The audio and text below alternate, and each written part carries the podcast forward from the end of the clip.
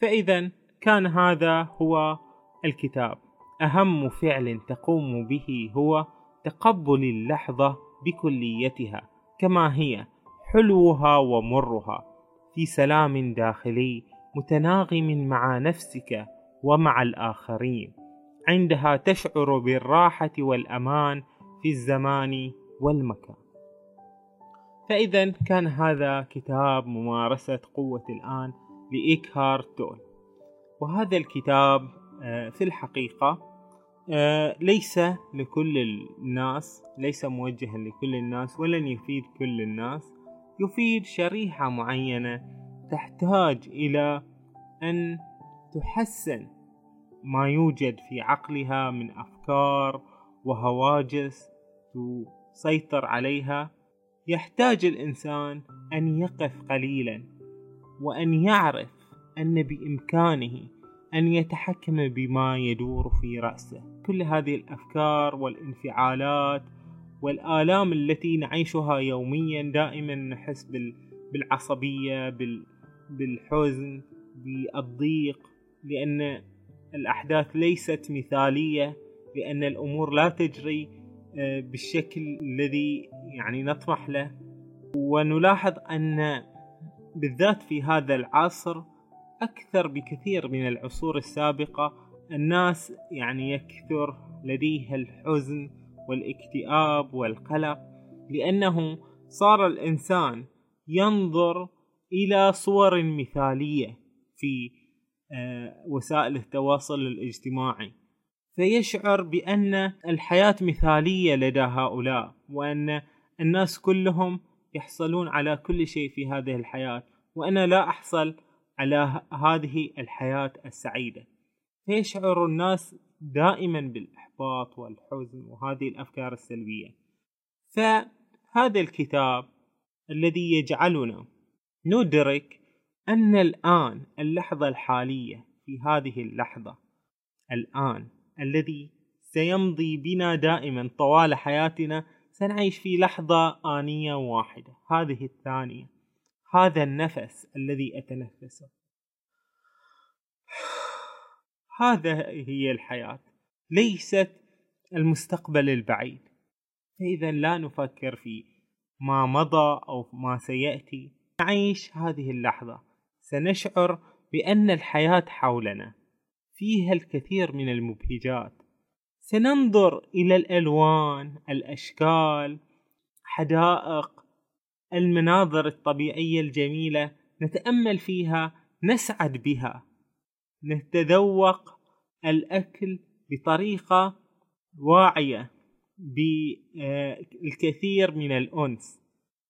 ففكرة الآن وفكرة العيش في اللحظة الآنية هي مبدأ مهم للإنسان لكي يخبر السعادة. وعن نفسي أنا يعني دائما أحاول أن أعيش في اللحظة الآنية ولكن لا أستطيع دائما. و... ولكن حينما أستطيع وحينما أكون في اللحظة الآنية مستمتعا بوقتي أحس بأن هذه اللحظات فعلا من أجمل لحظات الحياة. وأشعر أن الأيام التي تمضي دون أن أحس بها أن أعيشها حقا بلحظتها أحسها مضت هكذا هباء. فما أفضل أن نعيش في الآن؟ ونترك طلبات الأنا هذه الطلبات التي لا تنتهي. الأنا تريد أن تجعل منك إنسانا مثاليا يشيد به الناس. فهذه الأنا تفرض عليك طلبات لا تنتهي. تفرض عليك دراسة مثالية تفرض عليك علاقات مثالية تفرض عليك شخصية مثالية تفرض عليك جمال مثالي. كل شيء يجب أن يكون مثاليا لكي ترضى هذه الأنا. والحقيقة أن الحياة ليست في الواقع مثالية. كل إنسان لديه أمور جيدة في حياته ولديه أمور سيئة. لديه الكثير من المشاكل. هناك نعم ليست موجودة لديه. هذا الشيء طبيعي فإحنا نعيش في حياة غير مثالية. الكثير من الناس يعانون من هذه المشاكل التي لديهم. فما الحل؟ هل الحل أن نغرق في هذه المشاكل؟ أن نعيش بؤساء؟ وأن نعيش في حسرة ويأس لأننا لسنا المثاليين لسنا مثل آه الآخرين الذين لديهم كل الأشياء التي نريدها. إن عشنا في هذه الطريقة ونحن بالفعل نعيش بهذه الطريقة فهي حياة بائسة. ولكن عندما نعيش في هذه اللحظة نشعر فعلا بالسعادة. وسأقول لكم أمرا آخرا حينما تنتظرون حدوث أمر تقولون أنه لو حدث هذا الأمر لي سأكون في غاية السعادة. وعندما يحدث هذا الأمر تسعدون يوما يومين شهرا شهرين ثم ترجع الأمور إلى طبيعتها.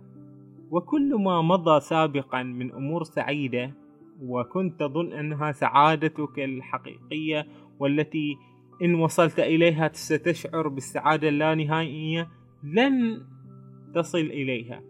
دائما مع كل سنة مع كل آه، مرور زمن نلهث وراء شيء وإذا أحرزناه آه، سعينا إلى أمر آخر. وهكذا تمضي السعادة فقط في اللهاث حول الأمور القادمة المستقبلية. بينما السعادة الحقيقية هي في هذه اللحظة. عندما نكون قانعين بهذه اللحظة عندما أكون سعيدا وأنا في هذا الحال تحت هذه الظروف الحياة السعيدة هي أن نعيش يوما هنيئا رغيدا سعيدا.